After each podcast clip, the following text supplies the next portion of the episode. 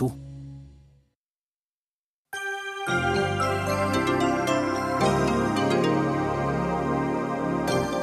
Velferdsstaten tåler ikke så høy innvandring som i dag om vi ikke gjør noe, heter det i nok en Brochmann-rapport. Og noe er å kvalifisere flyktninger, men det er jo nettopp det vi ikke greier.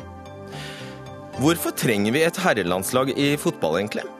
Nå har vi iallfall fått ny landslagssjef, og det er, det svenske Lars Lagerbäck som skal gi det norske folket tilbake troen på herrefotball. Bråk og intern maktkamp på Sametinget. Vi prøver å finne ut årsaken til kaoset, og spør sametingspresidenten, som først trakk seg, og så ombestemte seg dagen etter. Og Arbeiderpartiet elsker Piketty, men elsker Piketty egentlig Arbeiderpartiet?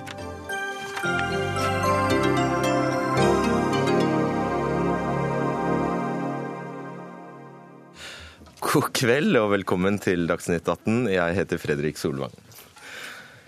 I dag la Brochmann-utvalget fram sin andre rapport om langsiktige konsekvenser av innvandring for det norske samfunnet. Utvalget har siden desember 2015 vurdert eh, sider ved innvandringspolitikken som er spesielt relevant for framtidens norske velferdsmodell, og kommet fram til at jo, økt innvandring kan true velferdsstaten. Men eh, når dette skjer eh, eller eh, Men når dette skjer, eller hvor mange flere innvandrere vi kan tåle, ja, det fikk vi ikke svar på. Så hva nytt har vi egentlig lært? Grete Brochmann, professor ved Institutt for sosiologi og samfunnsgeografi, og altså leder av Brochmann II-utvalget. Vi må kvalifisere, sto det jo også i den forrige rapporten din. Og det er jo omtrent det vi ikke har greid disse årene. Ja, altså det, det, jeg leser ut av, av, ditt spørsmål, det er at du, du, lurer på hva forskjellen er mellom den første og den andre utredningen. Og altså, selvfølgelig ved siden av at det er et helt nytt utvalg. Uh, og, og, at det er en ny oppdragsgiver, det er en ny regjering som, som har uh, lagd et, uh, et, nytt mandat, selv om det er ikke så veldig forskjellig fra det mandatet vi fikk sist. Så der ligger det no, noen forskjeller.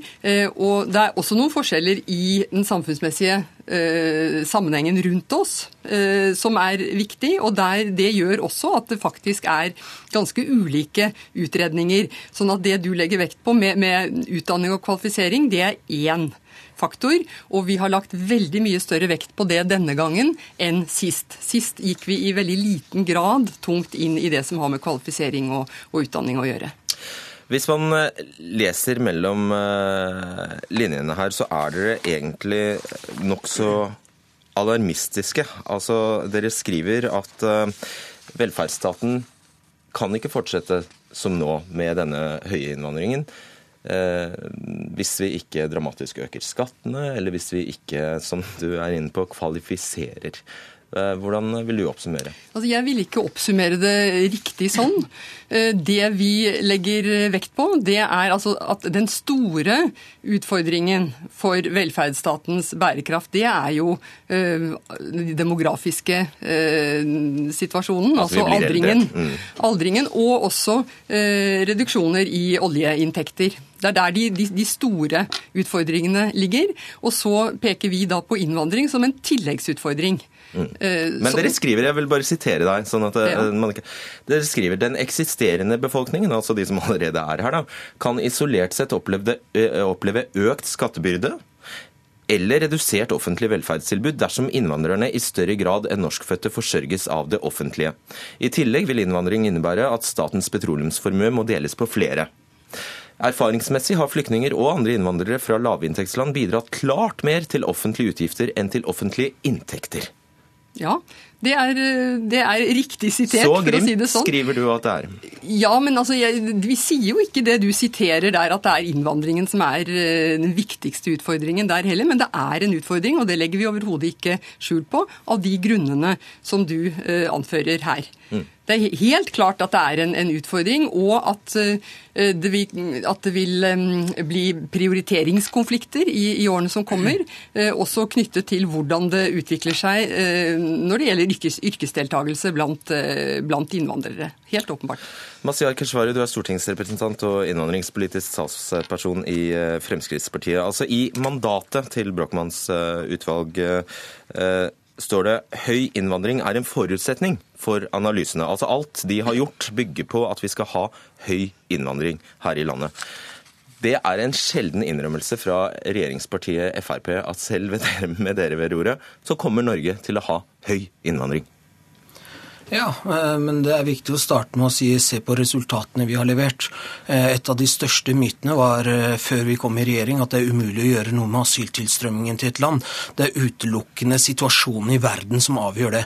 Det har aldri vært flere mennesker enten internt fordrevne eller på flukt internasjonalt. Og hvorfor bestille en rapport da, der oppdraget er å se på konsekvensen av høy innvandring? For, for, fordi at Fremskrittspartiet for det første har ikke flertall. For det andre så vet vi at SSB har jo bommet konsekvent på befolkningen befolkningsfremskrivningene, og innvandring har vært mye høyere enn det man har lagt til grunn. Eh, men det som er viktig med denne rapporten, er at vi omsider har eh, nok en faktagrunnlag eh, som vi kan legge til grunn i debatten. Og det føyer seg jo i rekken av det vi allerede har av tilgjengelig empiri, kunnskap, data og statistikk som viser helt klart og tydelig at høy innvandring eh, med høye velferdsytelser er ikke mulig å kombinere uten at det går eh, fryktelig galt. Og da eh, konkluderer regjeringspartiet Frp med hva? Det viktigste tiltaket vi må gjøre, er å få ned innvandringen og ha innstramninger, slik vi la fram. Dessverre fikk vi ikke Og etter det? Eh, og etter det så er det noe å gjøre med velferdsordningene som det ikke er tak på. Altså Hvis man leser den forrige eh, utvalgsrapporten, så viser det utfordringer for de som har to eller flere barn.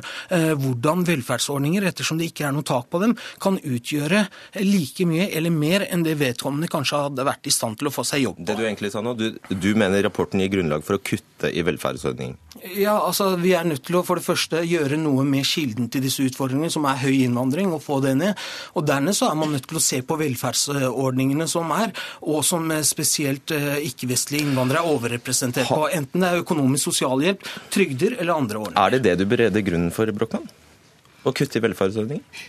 Nei, ikke på kort sikt. Altså, vi mener jo at det må satses tungt på kvalifisering. Og at det er en hovedstrategi i den situasjonen vi står i nå. Det er et, et vindu nå fordi det kommer veldig mange færre nå i 2016. Det kom veldig mange i 2015. Eh, nå er det eh, en gyllen anledning til å satse mye mer systematisk og tungt på påbygging og oppkvalifisering av folk som, som kommer utenfra. Hun vet jo selv hva hun har skrevet. Ja da, men eh, beslutninger om hva slags politikk vi skal ha, utformes ikke i et utvalg. Det er et grunnlag for beslutninger ja, i landets nasjonalforsamling. Men hun anbefaler deg ikke å kutte i velferdsordninger, var poenget? Nei, eh, det får hun eh, stå for. Men poenget er at vi kan ikke fortsette sånn som vi har gjort, basert på myter om at dette går seg til. For er det noe annet som kommer tydelig frem også i denne rapporten, er at det går seg ikke til. Mm. Til tross for lang botid i Norge, så er spesielt ikke-vestlige innvandrere fra Afrika og Asia overrepresentert basert på velferdsordninger. Stortingsrepresentant, innvandringspolitisk statsperson i Arbeiderpartiet, Stein eh, Erik Lauvås. Hvordan leser du eh, rapporten? Hvem holder du med her? Nei, altså jeg, nå, ja, Bare for å si det, den er på 249 sider. Jeg har ikke eh, lest hele rapporten, men jeg har lest deler av den. Men eh, jeg syns at, eh, at, de peker på en del ting som vi eh, og jeg kjenner oss igjen i. De snakker om at det må være tidlig og god norskopplæring, gjerne fra man sitter på mottak. Eh, der kutter regjeringen i dette. Nei, bare bare jo, svar på altså, spørsmålet før, tidlig, du, før du ja. begynner å lese fra det arket. Nei, nei eh, lese fordi, fra ark. Nei, fordi jeg bare lurer på, er du, er du enig i Tolker du rapporten som et som, ja, en, et grunnlag for å kutte i velferdsordninger, eller tolker du det som, som en anmodning om å føre denne såkalte kvalifiseringslinja? Ja, heller det siste. Eh, og hvis man skal snakke om å begynne å kutte i velferden, så kan jo Frp begynne med å kutte i kontantstøtten, som jo også omtales på en måte i rapporten, eh, som fører til at man ikke kommer i aktivitet, men her så sitter Frp og betaler masse mennesker for å sitte hjemme og ikke gjøre noe. Så det var på en måte det første man kunne gjøre. Ellers så gjentar jeg at vi kjenner oss igjen i en god del av de forslagene som kommer, som handler om å styrke integreringen, gi alle reell mulighet til å på en måte kunne få delta i Norge, eh, i arbeidslivet. Og da er en del grunnleggende ting som må ligge på plass, og som vi faktisk har diskutert og foreslått i Stortinget, men som regjeringspartiene har vært imot. Og da handler det om en rekke eh, ting i forhold til innsats på integreringssida. Rita Karlsen, daglig leder i Human Rights Service. Eh, du hevder eh, rapporten består av mange ord, men lite nytt? Ja. Det som jeg tenker er bra med rapporten, det er at nå får vi en, for tredje gang en stor rapport på bordet som er en realitetsorientering. Jeg ser dette som en direkte voksenopplæring av politikerne våre eh, for å vise realitetene i innvandringa. 2011 var Brochmann 1. Så kom SSB med en stor rapport i 2012 som gikk på økonomien. Og så kommer det her igjen. Det viser at uansett integreringstak og det vi setter inn, og uansett så mye penger vi bruker på det her, dette går ikke. Så jeg ser dette som en ren eh, eh, realitetsorientering av tilstand. Og så kommer kvalifiseringslinja. Ja. Og vet du hva, Man kan nesten lese rapporten sånn. Få dem i jobb fra dag én, og hvis de ikke er kvalifisert, så kvalifiserer dem. Dette er så urealistisk. Eh, alle skjønner at dette ikke går. Eh, kutte velferden eh, eller ikke. Eh, øke skattene eller ikke. Hvor skal vi hente pengene fra? Skal vi kvalifisere, så må vi også ha økonomi til det. Hva er ditt svar, da? Kaste dem ut? Nei, selvfølgelig skal vi ikke kaste ut folk, men vi skal sette krav til folk. Altså det jeg lurer på, Når en asylsøker som velger seg et land som Norge, du velger å komme hit, burde ikke vi da spørre vedkommende hva kan du bidra med? Så vi må ha den ansvarliggjøringslinja. Og som jeg sier, for tredje gang så har vi fått en rapport som kanskje realitetsorienterer folk. Det er det som jeg ser positivt. Dypdykke litt i, i, i, dette her, hva dere mener med kvalifisering, eh, Brochmann. Eh, et av tiltakene er f.eks. Lønn, lønnstilskudd. Eh, og Der foreslår dere altså at det går jo egentlig ut på at staten gir en subsidie til bedrifter som vil ansette en innvandrer, f.eks. Da skriver dere jo oss selv at hvis man gjør det, kan jobbmulighetene til andre arbeidssøkere, som er dyrere for arbeidsgiveren, reduseres. Og En slik effekt kan særlig være til stede på kort sikt i en situasjon der arbeids arbeidsmarkedets evne til å absorbere en slik arbeidsstyrke er begrenset. Les den vi er i dag i, kanskje, altså med arbeidsledighet. Uh, ja, altså Jeg må bare understreke at dette her er en utredning, og vi er bedt om å gjøre analyser og komme med drøftinger og vurderinger. Og Da må vi komme med motforestillinger også. Selv om, eh, om vi i praksis likevel anbefaler noe, så er det ikke uten motforestillinger. Det er kryr av motforestillinger i, i denne, denne, rapporten. Det er ingen enkle løsninger. Det er mange fallgruber. Det er risikofaktorer ved nesten enhver tenkelig strategi. Vi mener ikke ikke å si at det bare er å, å, kvalifisere folk, og dermed så løser vi problemet. Da, da uh, har man ikke skjønt budskapet i, i, denne rapporten. Og Jeg vil også si uh, litt til den diskusjonen som har vært uh, så langt, at vi sier jo ikke at man overhodet ikke skal kunne kutte i ordninger. Det vi sier er at nå er det en veldig god anledning til å satse på kvalifiseringssporet. Hvis det ikke virker, hvis en stor og grundig satsing eh, ikke har den, den, tilsiktede effekten, så vil det høyst sannsynlig presse seg frem andre typer løsninger. Det, det er siste del av rapporten, som, som er litt fremtidsrettet og, og, streker opp noen scenarioer. Vi konkluderer ikke, vi er bedt om å skissere handlingsalternativer. Og Hvorfor gi opp før du har prøvd? Eh, det, det, gjør vi aldeles ikke. Kvalifiseringssporet er veldig interessant, og det har man gjort noe med introduksjonsordning og andre ting. Eh, og Vi er også villige til å se på andre ting som blir skissert her, og ordninger å se på det. Har jo ikke konkludert første dag det kommer med. Men det aller viktigste eh, poenget her er at det, det er ikke nødvendigvis slik at det hjelper med kvalifisering. All den tid, den jobben du kan bli kvalifisert til, så vil du oppnå lavere levestandard eh, enn om du går på offentlige velferdsordninger, fordi de er mye høyere. Hvorfor ikke se på land som har fått det til? Det er jo lov, det òg. Det er jo lov å se f.eks. hva man har fått til i Minnesota i USA med somalske eh, flyktningbefolkningen der, som har høy andel i arbeid, høy andel i organisasjonslivet, høy andel i samfunnet. Eh, hvorfor har de fått det til? Jo, fordi at du har mye av den hjelpen du får her hele livet. Der har du det i et halvt år og maks ni måneder, og etter det så er du veldig mye på egne ben. Der får dere det til, der er de i arbeid. Mens Norge og mange vesteuropeiske land med høye velferdsoverføringer, der er folk passivisert. Og det er også en lærdom vi kan eh, se på og ta innover oss. Ja. To ting. For det første så er det mandatet vi har fått av sittende regjering, det har som et viktig premiss at man skal opprettholde den norske velferdsmodellen. Det er et veldig viktig premiss. Og det gjør at man ikke kan gå inn for den typen løsninger som du nå skisserer. Vi har ikke Det sagt andre- dere skulle gått inn på det. Vi er politikere, og vi bestemmer ja, hva som skal gjøres. Det er nå, nå, å- når jeg får redegjøre for, sånn rapport, for rapporten altså Dette var mandatet vårt. Og i tillegg så til dette her med at, at folk får mer utbetalt i trygd enn eh, gjennom arbeidslønn, så har vi sett på det i denne utredningen, og det gjelder altså 5 blant de trygdede. Det er en veldig liten gruppe. Da har vi oppklart det. Men, men eh, Lauvås, det er jo, eh, målsetningen fra myndighetene har vært i en årrekke er at 70% av den som fullfører introduksjonsprogrammet, som vel er på to år, kan det stemme? For, eh, fall for nyankomne skal være i arbeid eller utdanning. Så vet vi at statistikken ser ganske trist ut. Altså, de kommer seg raskt ut, og så avtar faktisk sysselsettingen. Det er resultatet av den nåværende kvalifiseringen.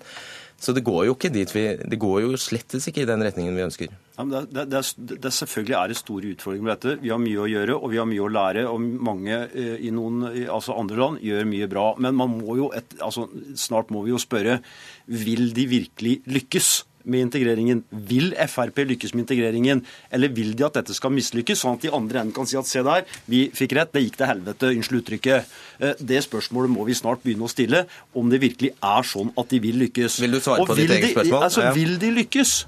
så tror jeg en del av det som dette eh, utvalget har pekt på, da må man altså se på det. Eh, og da handler det om norskopplæring, det handler om, om å få kartlegging av kompetanse, slik som de peker på her, og det handler om å få de som nå sitter hjemme, ut i aktivitet og bli bidragsytere. For det vil de aller fleste. De vil ikke sitte hjemme, de vil ikke være passive, de vil bidra. Men da må vi sørge for å legge til rette for det. Og da nytter det ikke med den type dommedagsprofeti, og da må spørsmålet stilles vil de egentlig lykkes, eller sitter de her og prøver å få dette til å gå gærent?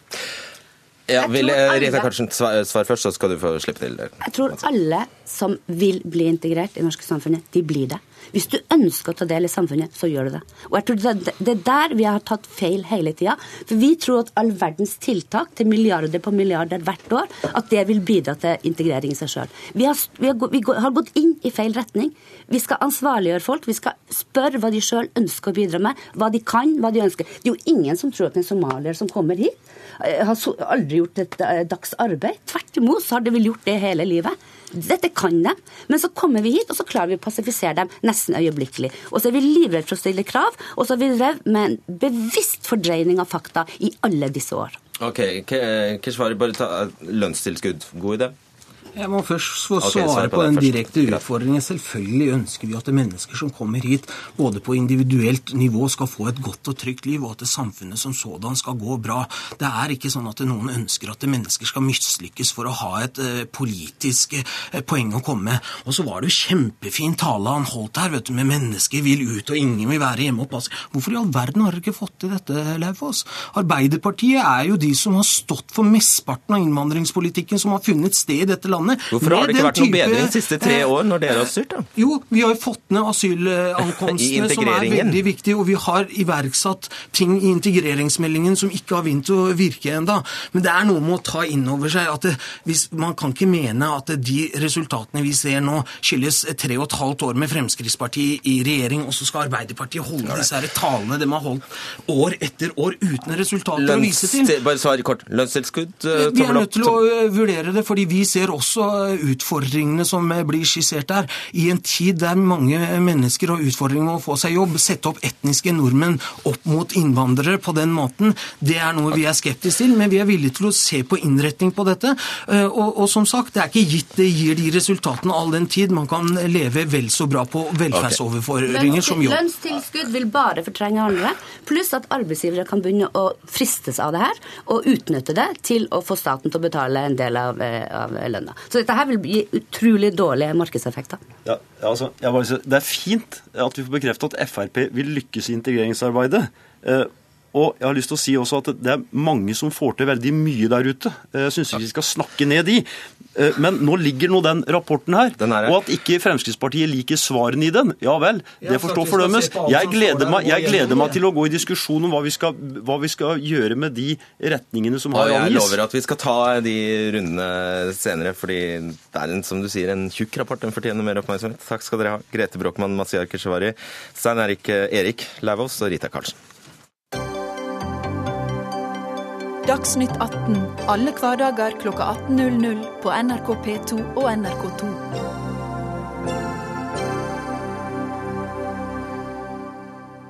Ståle Solbakken var førstevalget, men eh, det var ikke mulig å få ham som ny landslagssjef for eh, herrelandslaget i fotball.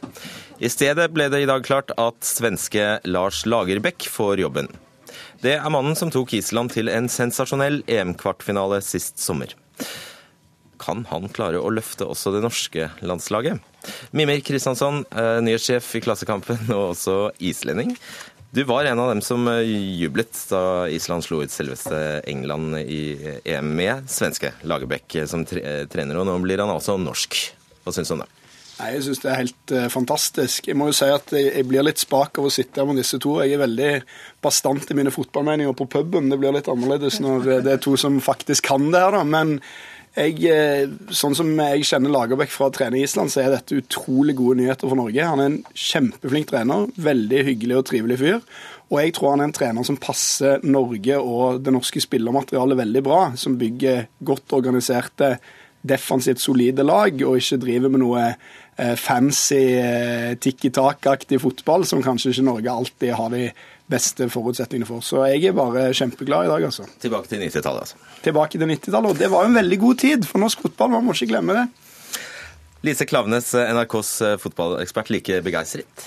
Ja, jeg, jeg er det. Jeg mener under, at under de rådende omstendigheter så var han det aller beste valget, kanskje sammen med Bob Bradley, som jeg syns var en god kandidat. Men så slag, Lars Lagerbäck er en utmerket kandidat fordi han har resultatene, og han har det med sammenlignbare landslag, og han har en jordnærhet som vi må være ærlige og si at vi trengte nå etter en ganske tung periode der det var storsatsing som falt til bakken, egentlig. og da tror jeg den jordnærheten vil gjøre at det blir liksom ro rundt landslaget, som òg kan være med på å bidra til forutsigbarhet, og det tror jeg spillergruppen trenger. Jeg var litt stygg i åpningen her om, og spurte om vi egentlig trenger noe norsk landslag i herrefotball. Men er, er forutsetningene til stede for, å, for ham å løfte dette laget som det var på Island? Ja, altså Island er jo inne i en periode de har en gullgenerasjon og sånn. Man kan diskutere om Norge har det, men Norge har et mye bedre spillermateriale enn Island uansett hvor imponerende det man har fått til på Island er, så har Island én Premier League-spiller og et par andre proffer på høyeste nivå. Norge har noen av, eller i hvert fall ett av verdens største fotballtalenter i Martin Ødegaard, men også mange spillere som spiller på toppnivå rundt omkring i verden. Så at ikke Lagerbäck skal klare å gjøre det like bra med Norge, det ville vært overraskende. Og han har jo også, det er lett å tenke på Island, men han har også trent Sverige i en lang, lang periode. Det er mange strake mesterskap og vist der at han både klarer å kontrollere sånn halvveis en personlighetstype som Zlatan, men òg å bygge et veldig bra svensk landslag. da. Hva er det som du sier at det er riktig mann til riktig, på riktig sted til riktig tid? Hva er det med tiden? Nei, Det var det jeg var inne på med at det har vært en ganske tøff periode for Høgmo og hans team. Man gikk ganske hardt ut både med at spillestil skulle forandre seg, og at teamet vokste veldig. og Så var det en uheldig avsettelse av Drillo og hans team. Og så ble dette til sammen oppfattet som pretensiøst ute blant folk, og det var det kanskje òg til en viss grad. Og da føles det som at vi lander og går litt tilbake til røttene våre. Personlig så, så syns jeg det er viktig å huske på at vi lykkes jo ikke lenger med Drillo-stilen. Det var jo derfor Høgmo gikk ut som han gjorde. Det var jo en reaksjon på de rådende omstendighetene den gang. Alt er jo dialektikk, det går jo en pendel her og der, og nå er vi på andre siden. Så at vi er nødt til å utvikle vårt offensive spill, det er det ikke tvil om, men nå hadde vi begynt å svikte defensivt. Og da må man begynne der igjen, og da er Lagerbäck den rette mannen, tror jeg. Nei, jeg tror ikke man skal jeg intervjua Lars Lagerbäck en gang, og da sa han at jeg spurte han hva som var hans fotballfilosofi. og Da sa han at han, han tror ikke på filosofi i fotball. Han bare gjør det som han mener er det pragmatisk riktige til enhver tid. Han har ikke den klare oppfatningen om hvordan fotball skal spilles. Og Hvis du ser på lagene han har trent, det er lett å selvfølgelig si han er en defensiv trener, og sånn, men på Island så spiller Gulvi Sigurdsson, som har tosifra antall assist i Premier League nesten hvert år I Sverige så hadde han Zlatan gjennom mange mange år. sånn at han er jo en, spiller, en trener som klarer å håndtere spillertyper som er kreative og, og tekniske òg. Og så vil jeg bare si én ting, og det er mange har nå sagt, bl.a. leste jeg i VG, at nå skal Norge på en måte gå litt vekk fra sånn underholdende fotball. Men kom an, ingenting er så underholdende som å komme til mesterskap. Og det spiller jo ingen rolle hvordan man gjør det. Man er jo aldri så underholdt. Altså, jeg har aldri vært så underholdt som jeg var som når Island spilte ja, kvartfinale i, sommer. Og det er samme om det skjedde med en såkalt kjedelig fotball. Det var mye mye kjekkere å se på enn det å se på Norges landslag. Eh, vil du si, betyr det at det ikke er mulig å spille underholdende fotball? Det er ikke relevant å snakke om underholdning på A-landslagsnivå. Noen av oss mener jo at det er viktig å holde på ballen når man vinner den. Og hvis det blir for stor risiko av vers, så vil man miste ballen for ofte. og ergo så vil man slippe inn mye mål. og Det skjedde under Drillo. Vi trengte å utvikle vårt offensivt spill. Så gikk det for langt i den retningen og det begynte å svikte defensivt. Det var Mimir sjøl som brukte ordet fancy, for det er alltid det man snakker om den fotballen som prøver å åpne opp litt i det offensive. Og det er litt det mitt poeng er at selvfølgelig ikke eh, Lagerbäck eller Høgmo vil de si at vi vil spille underholdende fotball eller vi vil, vi vil tape fotballkamper, men det handler om retorikk. Lagerbäck begynte i dag med å si at her skal det ikke bli noe dikkedaria, vi skal ikke spille underholdende fotball, vi skal vinne. Og, alle er jo enig i det, men den retorikken vitner jo litt om hva lederstil han har. Han er ikke en veldig sånn inspirerende, visjonær type som åpner masse opp for individer. Jeg håper han er det òg, men han vil gå bare tilbake til røttene, og det mener jeg er bra. Retorikk betyr jo noe liksom, for holdningen og lederstil. Få høre med han som ansatt, han da. Nils Johan Sembe, toppfotballsjef i Norges Fotballforbund. Hva slags mann er det?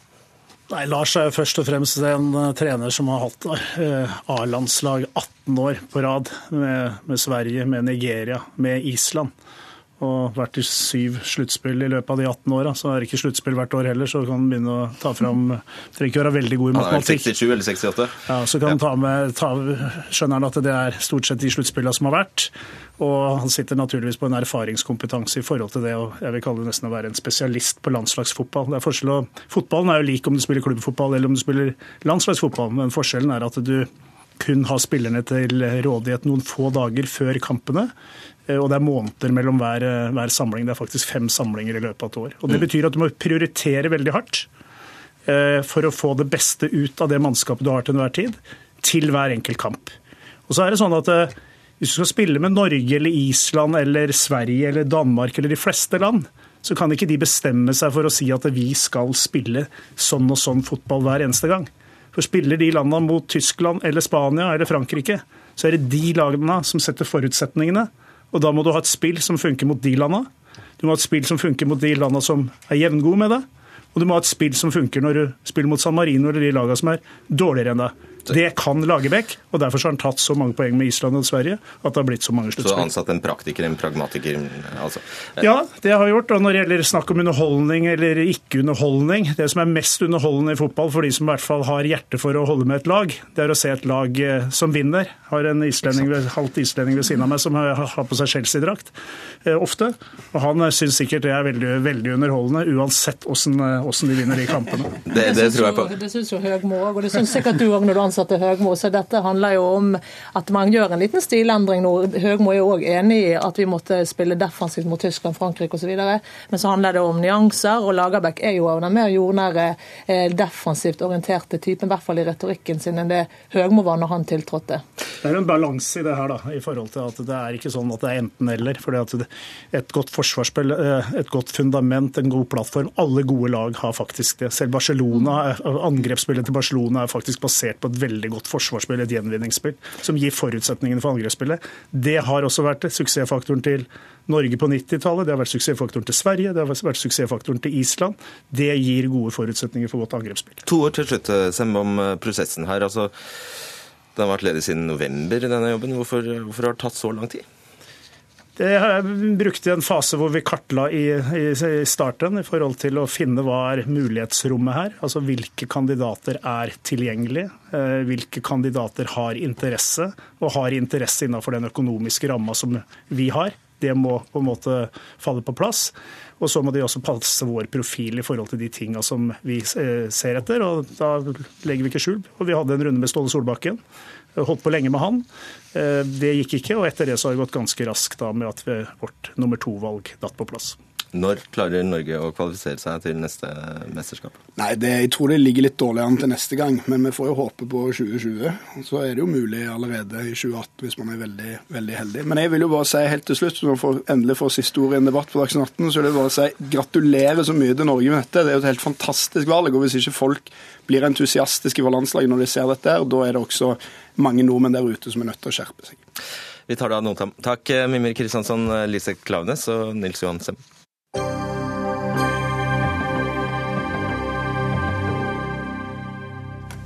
I morgen skulle Stortingets utenriks- og forsvarskomité besøke parlamentarikere i Moskva.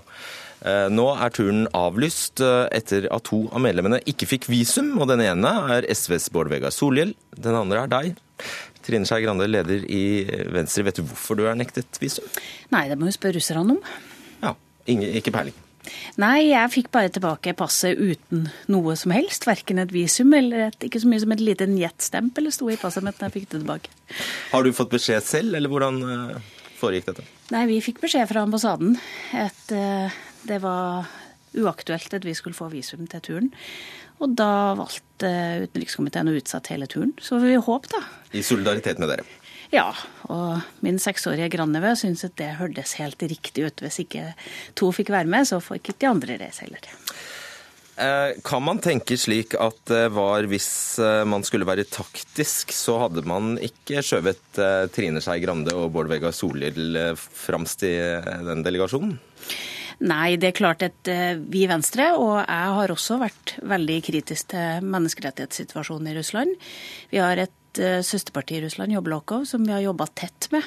Som jobber for eh, grønne løsninger og liberale verdier, og som har store problemer med å utøve sitt politiske virke. Men det har russerne tålt, det jeg har sagt før, når vi har vært på møter der.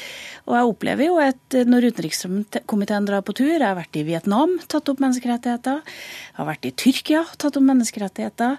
Eh, da kan det bli ampert i møtet, men de tåler det. Ja, Men det er ikke så veldig rart, er det det? At Russland stenger ute framtredende parlamentarikere fra Norge når Norge støtter EUs sanksjoner, som innebærer utstengelse for russere?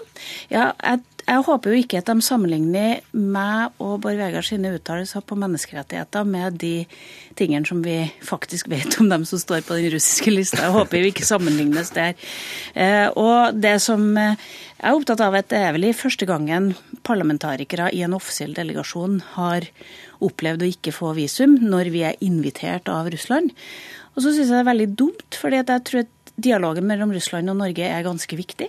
Mm. Og gode naboer må også tåle at noen sier fra til dem. Og Dere skulle reise i morgen, og utenriksministeren har kalt den russiske ambassadøren inn på teppet uten at man, for å protestere, uten, man, uten at man kanskje kan forvente det største utfallet av det?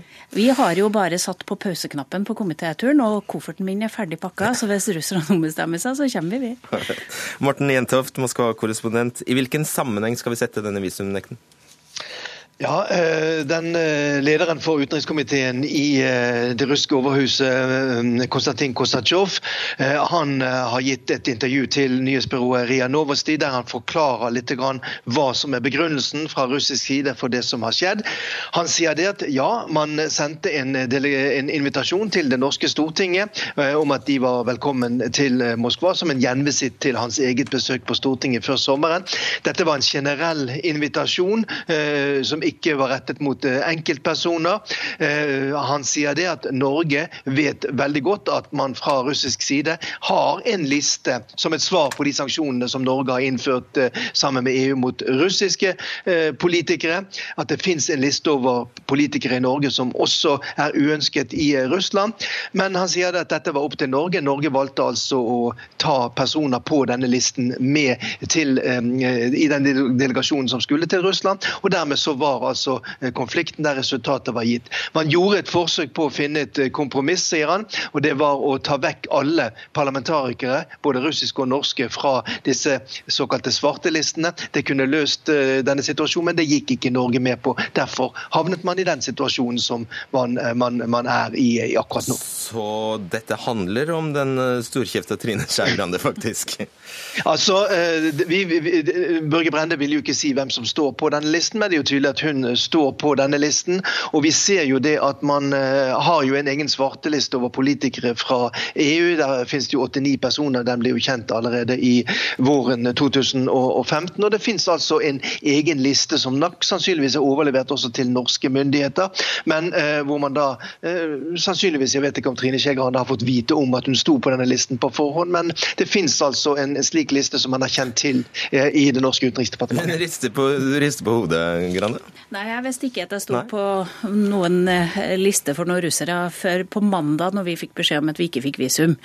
Eh, og det har ikke komiteen kjent heller. Og jeg, jeg vil bare si at jeg erkjenner ikke at det skal finnes noen sånn liste heller. Og jeg må det er, jo, det er jo underlig å lage sånne motlister når faktisk de europeiske listene bygger på noen prinsipper. Men jeg ser jo eh, vi som er ledere av liberale partier, har en økt frekvens til å stå på den russiske lista. Så jeg, jeg havner i et godt selskap med liberale ledere i Europa på den, på, hvis det er sånn at eh, Norge skal speile den europeiske lista. Stemmer det med ditt inntrykk, Jentoft?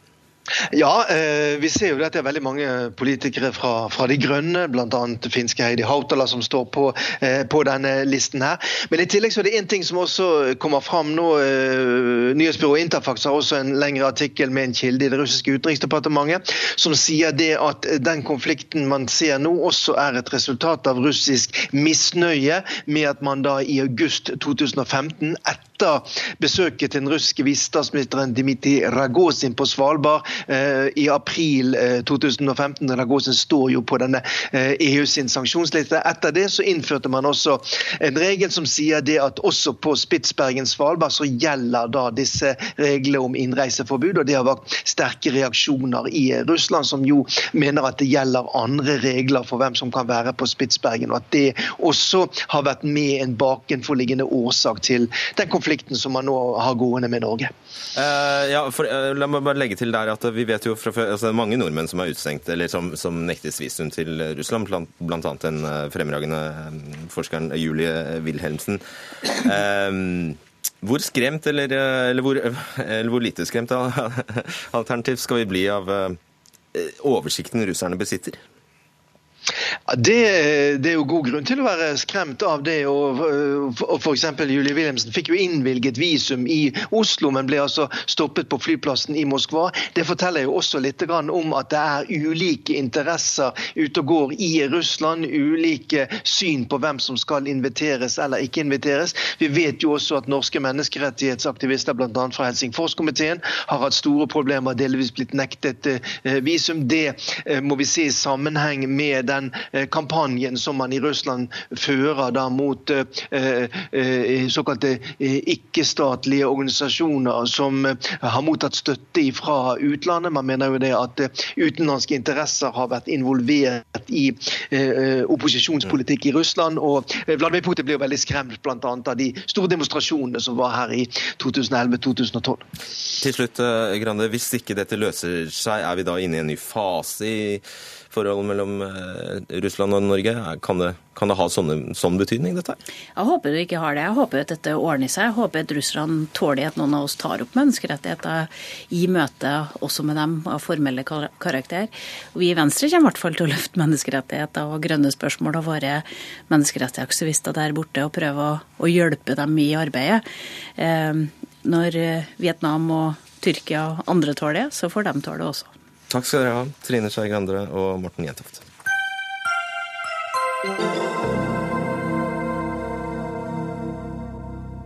Sist lørdag ville hun trekke seg som sametingspresident. Søndag ombestemte hun seg. Så sparket hun sin visepresident, Ronny Wilhelmsen, og meldte seg samtidig ut av Arbeiderpartiet i protest. Vi snakker om Vibeke Larsen, som nå blir den første i Sametingets historie som blir president uten partitilknytning. Og nå skal du være med oss eh, fra eh, Finnmark, Vibeke Larsen. Er du der?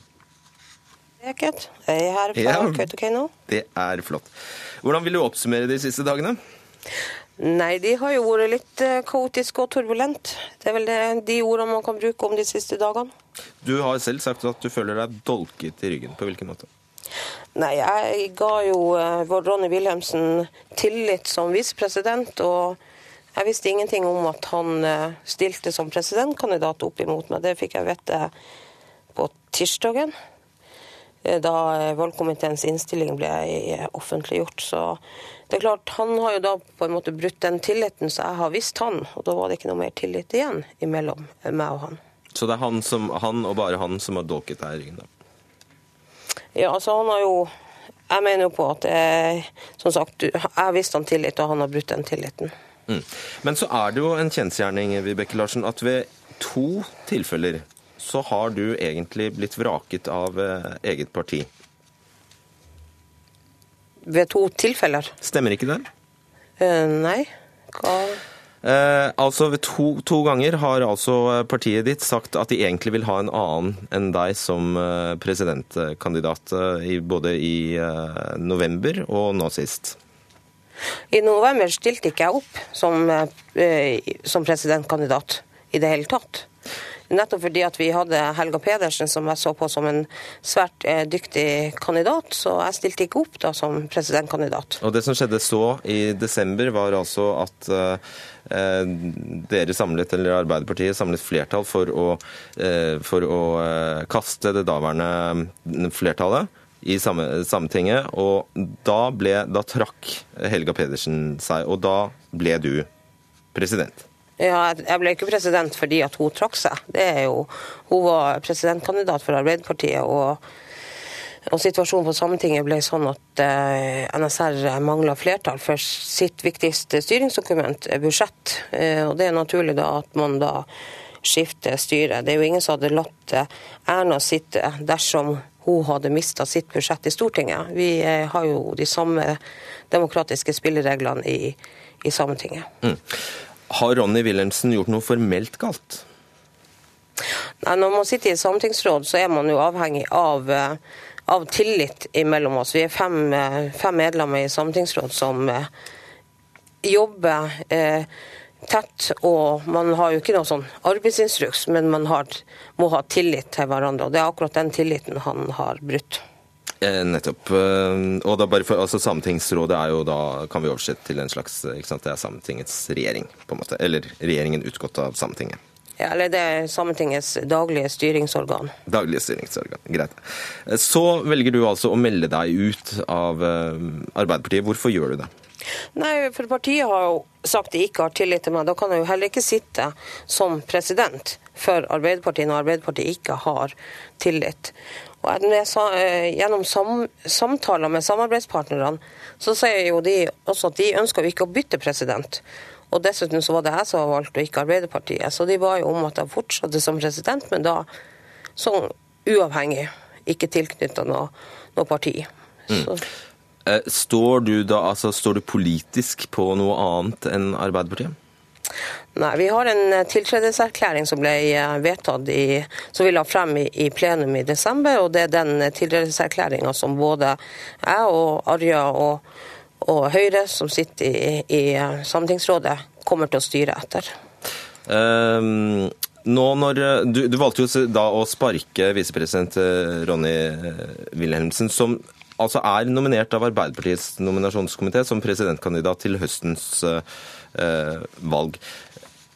Eh, hva kommer til men nå, nå, hva, hva kommer til å skje? Eh, Vi, eh, Arbeiderpartiet har jo foreløpig én representant inne i Sametingsrådet, og eh, de har fått eh, tilbud om å komme med et nytt navn på den plassen som står ledig. Og så blir det opp til dem da å finne en ny kandidat inn der. Alright. Og du har vel også sagt at du føler deg sveket eller sviktet av Arbeiderpartiet. Hva går det ut på? Nei, altså, jeg, jeg ga beskjed til eh, lederen av Sampolitisk råd at uh, dette vil få konsekvenser dersom uh, man ikke eh, dersom man ikke gir tillit til sittende president. Sånn at det er naturlig Men hva består den trusselen i? Det er jo det at man, Hvis man ikke får tillit, så kan man jo ikke sitte videre som eh, president for partiet. Det er jo ikke sånn at man gir tillit frem til, eh, til september, og deretter så er tilliten ikke der. Tillit får man, eller man, man har tillit eller man har ikke tillit. Man har gir jo ikke tillit med sånn best før-dato. Det er jo helt umulig. Kan det være aktuelt eh, for deg å stille som presidentkandidat for et nytt parti? I hvert fall ikke sånn som det ser ut nå, men jeg tror samepolitikken har behov for et, et sosialdemokratisk samisk parti som ikke er tilknytta direkte til Arbeiderpartiet. Og det, det, tror jeg kanskje kan være med og føre til at man kan få et sosialdemokratisk samisk parti, rett og slett. Mm. Uh, Magne Ove Warsi, du er politisk kommentator i NRK Sápmi. Hva, hva bunner denne konflikten i? Ja, Vibeke Larsen kommer jo inn på dette med et uh, samisk sosialdemokratisk alternativ til Arbeiderpartiet, som nå råder grunn. Og, og det har vært mye snakk om at det er personstridigheter, men det ligger politiske motsetninger i bunn. Og det er eh, kivingen, rivningene mellom, eh, mellom, de som ønsker å fokusere utelukkende på språk og kultur, og de som eh, ønsker å eh, jobbe mye mer og ha større oppmerksomhet rettet mot samiske rettigheter. Eh, spesielt da mot eh, samenes rett til å bestemme over egne interne anliggender. Og også kyst- og fjordfiskernes historiske rettigheter.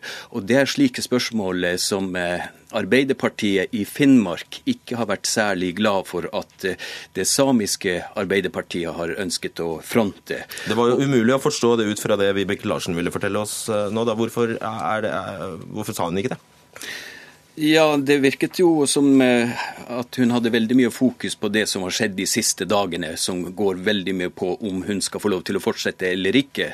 Men eh, hvis vi ser på det som også har skjedd, så er det at eh, stadig flere av sentrale samiske arbeiderpartipolitikere trekker seg ut av Arbeiderpartiet. Da kan jeg bare nevne en tidligere og langvarig statssekretær som heter Raimo Valle, en tidligere visepresident for Arbeiderpartiet i Sametinget, Marianne Balto, og de eh, retter fokus mot eh, Aps manglende vilje til å, til å akseptere, eh, gå inn på en mer rettighetsbasert politikk. Men i stedet så føler de at de, de blir møtt med at nok er nok, og norsk samepolitikk står fast. Dvs. Si at den går ikke lenger framover. Ja, og du, eh, da er det slik at Vibeke Larsen skal tolkes inn i Altså står for en mer rettighetsbasert det er iallfall det disse eh, som, personene som jeg nå snakket om, har tatt til henne til inntekt for. Mm. Ja. Men så hørte jeg i dag eh, en annen eh, tidligere ordfører i Kåfjord kommune, Bjørn Inge Moe, som også har vært fylkesleder i Troms Arbeiderparti, som mener at Vibeke Larsen bidrar til å tråkke ned på de som ønsker å fortsette å være en integrert del av Arbeiderpartiet, og som gjennom dette partiet ønsker å jobbe for samiske saker. Kan dette bli et veiskille? i samepolitikken? Det nærmer seg eh, et veiskille med, med stadig eh, raskere tempo. Og det kan bety, dersom det kommer eh, nok mennesker og, og, og politikere og, og, medlemmer til, så kan det bety at et samisk sosialdemokratisk alternativ blir etablert.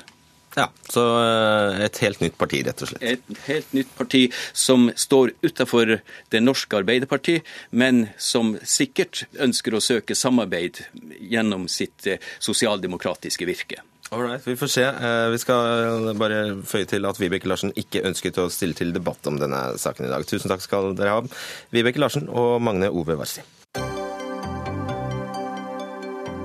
Hør Dagsnytt 18 når du vil. Radio NRK NO.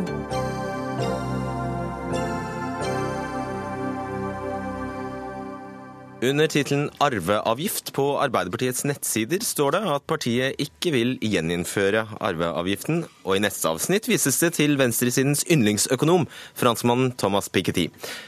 Problemet er bare at den samme Piketty slett ikke er en motstander av arveavgiften. You know, I think the social contract is uh, we all pay a lot of tax to pay for good public services, and you know, if we feel that some people who are wealthier don't pay them, you know, so that's why you know the recent evolution in in some uh, Nordic countries, you know, with the wealth tax and the inheritance tax is worrying to me. Ja, en slags engelsk der. Ifølge den sosiale kontrakten betaler vi skatt for å få offentlige tjenester. Og det er ikke bra hvis vi føler at de rikeste ikke betaler sin andel, og derfor er jeg bekymret for utviklingen i nordiske land når det gjelder dette med arve og formuesbeskatning, sa Piketty i Oslo i 2015. Og til Dagsavisen i denne uka fulgte han opp med å si jeg mener det å fjerne arveavgiften helt er en historisk stor feil. Arbeiderpartiet bør i det minste beholde dem den for dem med høy formue. Audun Otterstad, stortingsrepresentant for Arbeiderpartiet. Med andre ord, dere har snudd Piketty på hodet og tar ham egentlig til inntekt for et syn han overhodet ikke har?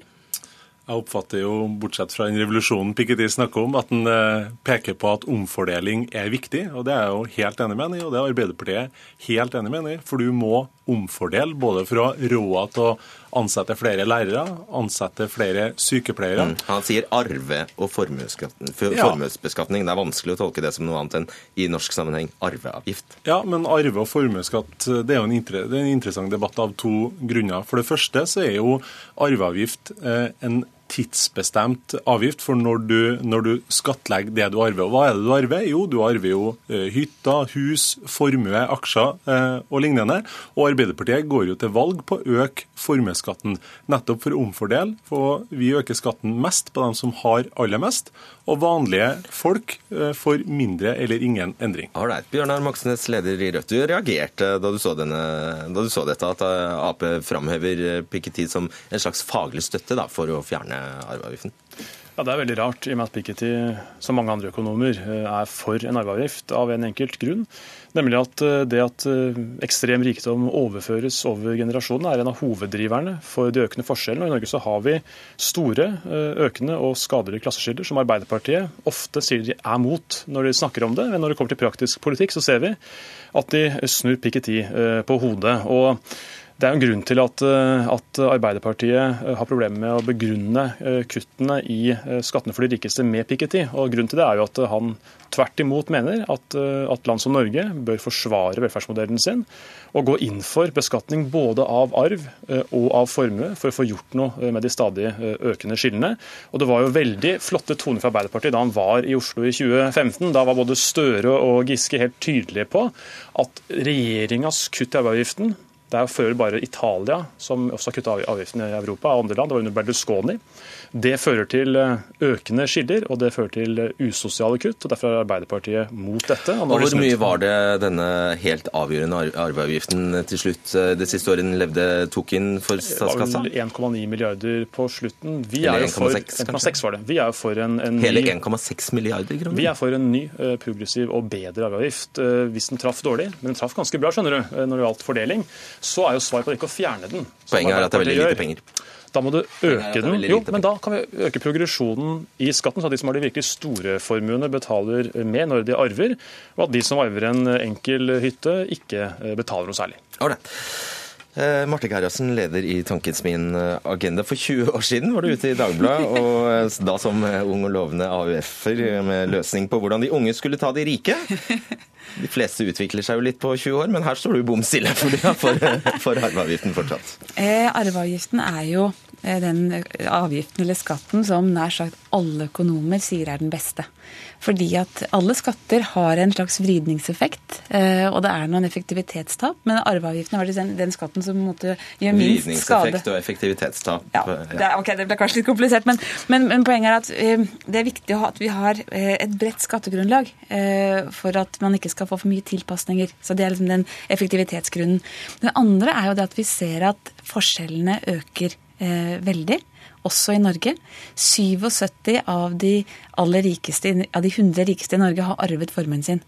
Og den betydningen av arv, gaver og formue blir stadig større. Og dette er ikke noe som bare jeg sier, dette sier jo da OECD eh, var ute og sa at det er en veldig stort problem i mange europeiske land at makt og privilegier og rikdom går i arv.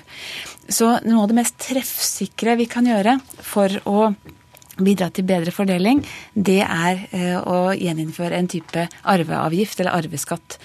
Og bare for å spore oss litt tilbake til utgangspunktet. Det er jo, kan tolkes som litt frekt å ta Piketty til inntekt for seg selv, når dere står for motsatt, det stikk motsatte her? Altså, Jeg tolker jo Piketty dit hen at han er grunnleggende opptatt av omfordeling og et mer rettferdig samfunn, og så peker han på flere virkemidler. Og Jeg er jo eh, grovt sett enig i mye av det som Marte Gerhardsen her sier, for vi ønsker jo oss et samfunn for alle, ikke for de få. Og Når vi skal bygge det, så skal du bygge det med omfordelende skatter og avgifter. Og eh, hvert år som vi... Og hvorfor ikke da en arveavgift? Fordi vi mener at vi treffer bedre på omfordelinga med en formuesskatt, der vi, den, der vi går inn for å øke den kraftig for dem som tjener eh, aller mest, mens skatte, skattene for vanlige folk, pensjonister, ikke øker, eh, ikke øker eh, eller står i ro. Hvis du knepper Ja, eller jeg skal bare det, det viktige her, Beklager, det programleder, men det viktige her er jo grunnen til det her. ikke sant? Og det er jo, For det første er jo de her 20 milliardene som regjeringa gitt i skattekutt. Ja, nei, det, Der kniper jeg deg faktisk. Det, det, det, er jo faktisk sånn at hvis du bare strammer til litt på formuesskattesatsen, Bjørnar Moxnes, fra 1,1 til 1,2, så har du disse 1,6 milliarder kronene. Det er mye mer effektivt. Ja, Vi skal gjøre det, og i tillegg ha en progressiv arveavgift. Fordi det er helt meningsløst at de som arver skal slippe skatt. Altså Folk som jobber, som bygger opp sin egen bedrift f.eks., betaler jo uh, mye skatt. De som da bare får arv i fanget, skal slippe helt unna, ifølge Arbeiderpartiet selv. Dagens Næringsliv syns det er rart. fordi folk ikke hadde råd til å overta barndomshjemmet. Jo, men da øker du naturligvis bunnfradraget, gjør den mer progressiv, framfor å fjerne uh, hele avgiften totalt. Og Arbeiderpartiet har nå også inngått et skatteforlik med de borgerlige partiene, som jo gir 20% skatterabatt for de som har aksjer. og Det er jo ikke folk flest som har de store aksjeformuene. Otterstad. Det er jo faktisk de rikeste som har mye aksjer, og de får nå en gigantisk skattekuttgavepakke fra Arbeiderpartiet, som de signerer sammen med FrPs eh, og Høyre og de borgerlige partiene. og Det er ikke å omfordele, det er å tvert imot øke forskjellene, og i tillegg da fjerne arveavgiften. Det er jo typisk ytterste venstre i norsk politikk. I stedet for å, behandle, i stedet for å forhandle og være med å beholde formuesskatten som holdt på å røyke, som Arbeiderpartiet gjorde, var med og tok ansvar for landet. Vi sørga for at bedriftseierne fikk litt lavere skatt, og dem som har de som har mest og har større formuer, her har du sentrum-venstre Her har du sentrum-venstre som mener akkurat det samme, gitt. Nei, men det Jeg skal gi litt honnør til Arbeiderpartiet. Det er klart at de, jeg har, eh, Min opplevelse er at de er genuint opptatt av å få til en bedre og mer rettferdig fordeling. Og det alternative budsjettet som de også la fram i høst, var også mer progressivt og mer utjevnende enn det som regjeringen la fram. Og nå er jeg heldigvis eh, Jeg jobber jo i tenketank, så jeg kan jo bare si det jeg mener er riktig. Jeg er ikke valgkampstrateg for Arbeiderpartiet. Men det er klart at det som Det er veldig deilig, faktisk. Det, men det jeg skjønner, eh, som selvfølgelig er vanskelig for Arbeiderpartiet, at det er mye vanskeligere å gjeninnføre en skatt som er tatt bort, eller å introdusere en ny skatt. Eh, så Derfor så er det veldig uheldig. Ikke hvis du tror det er det rette å gjøre. Ja, men Det er en, en større politisk kostnad å gjøre det. Hvis du er feig, så. Eh, det, var, det, var, ditt ord, men jeg tenker at jeg ser at det er litt vanskelig. Men dette er altså den mest fornuftige skatten vi kan ha. Alle andre land nesten har det. Eh, og det er altså den skatten som anbefales av alle økonomer fordi den er rettferdig, den er effektiv og den er omfordelende. Og jeg syns faktisk at Moxnes har et veldig godt poeng poeng i at det er noe gærent i at når du jobber, så skal du også betale eh, skatt på det du tjener. Men hvis du bare får mm. det, så får du det, skal du ikke betale. Ikke sant? Svar på et enkelt, eh, siden, er, siden det er du som henger deg opp i omfordeling, eh, Otter, så hadde arveavgiften en omfordelende virkning, eller hadde den ikke? Ja, klart den, klart den har en omfordelende effekt. Det er det ingen tvil om. Men det, og det om for omfordeling. Men, men det handler om å prioritere der vi får mest igjen for det. Og med en enkel justering i formuesskatten, så må de som har mest i dag, bidra med 4-5 milliarder mer, eh, i stedet for en avgift som mot slutten, som du selv var inne på, programleder, bidrar med mye mindre. For det handler om hvordan du skrur sammen samfunnet. Men det var jo igjen Arbeiderpartiets eh, feil, fordi det var dere som skrudde den Nei, vi, vi så Gradvis. det, men problemet her var at, uh, var at de aller rikeste planla seg vekk fra arveavgiften og stykka det opp i selskap, mens vanlige folk satt igjen og skulle betale. Her er det sånn at de med den sterkeste ryggen også må ta den tyngste børa for å finansiere eh, velferdssamfunnet vi alle nyter godt av. Du, En morsom sak, Moxnes, før du får svare. Det står ikke et ord om arveavgift i programmet ditt, er du klar over det? Det kommer inn på vårt program, som vi skal inn på Stortinget med. Nei, det kommer inn. Hvorfor står det ikke der? Det får du spørre landsmøtet som behandla det forrige gang om, men det kommer inn på programmet vårt som behandles og vedtas nå i slutten av mars eh, for stortingsperioden, den kommende perioden. Men hvis vi mener alvor med det vi sier, om at vi skal bekjempe Forskjells-Norge, og at eh, de som har de sterkeste tar, tar de tyngste børene, så er det jo rart da, at, eh, at nettopp arvingene skal slippe unna, når vi vet at De som eh, har de største formuene, også arver mest, og gir mest i arv til generasjonene etter seg. Det er naturlig at de også eh, er med å bidra til fellesskapet. Og det er, Vi trenger noe annet enn et pauseinnslag mellom høyreregjeringer som kutter skattene, og så kommer Arbeiderpartiet og beholder skattekuttene. Det er ikke godt nok for å klare å Gikk forskjellene opp eller ned sist Arbeiderpartiet styrte, Bjørnar Moxnes? Forskjellene har faktisk økt sammenhengende de siste 20 årene i Norge. Ja, Det er direkte feil. Takk.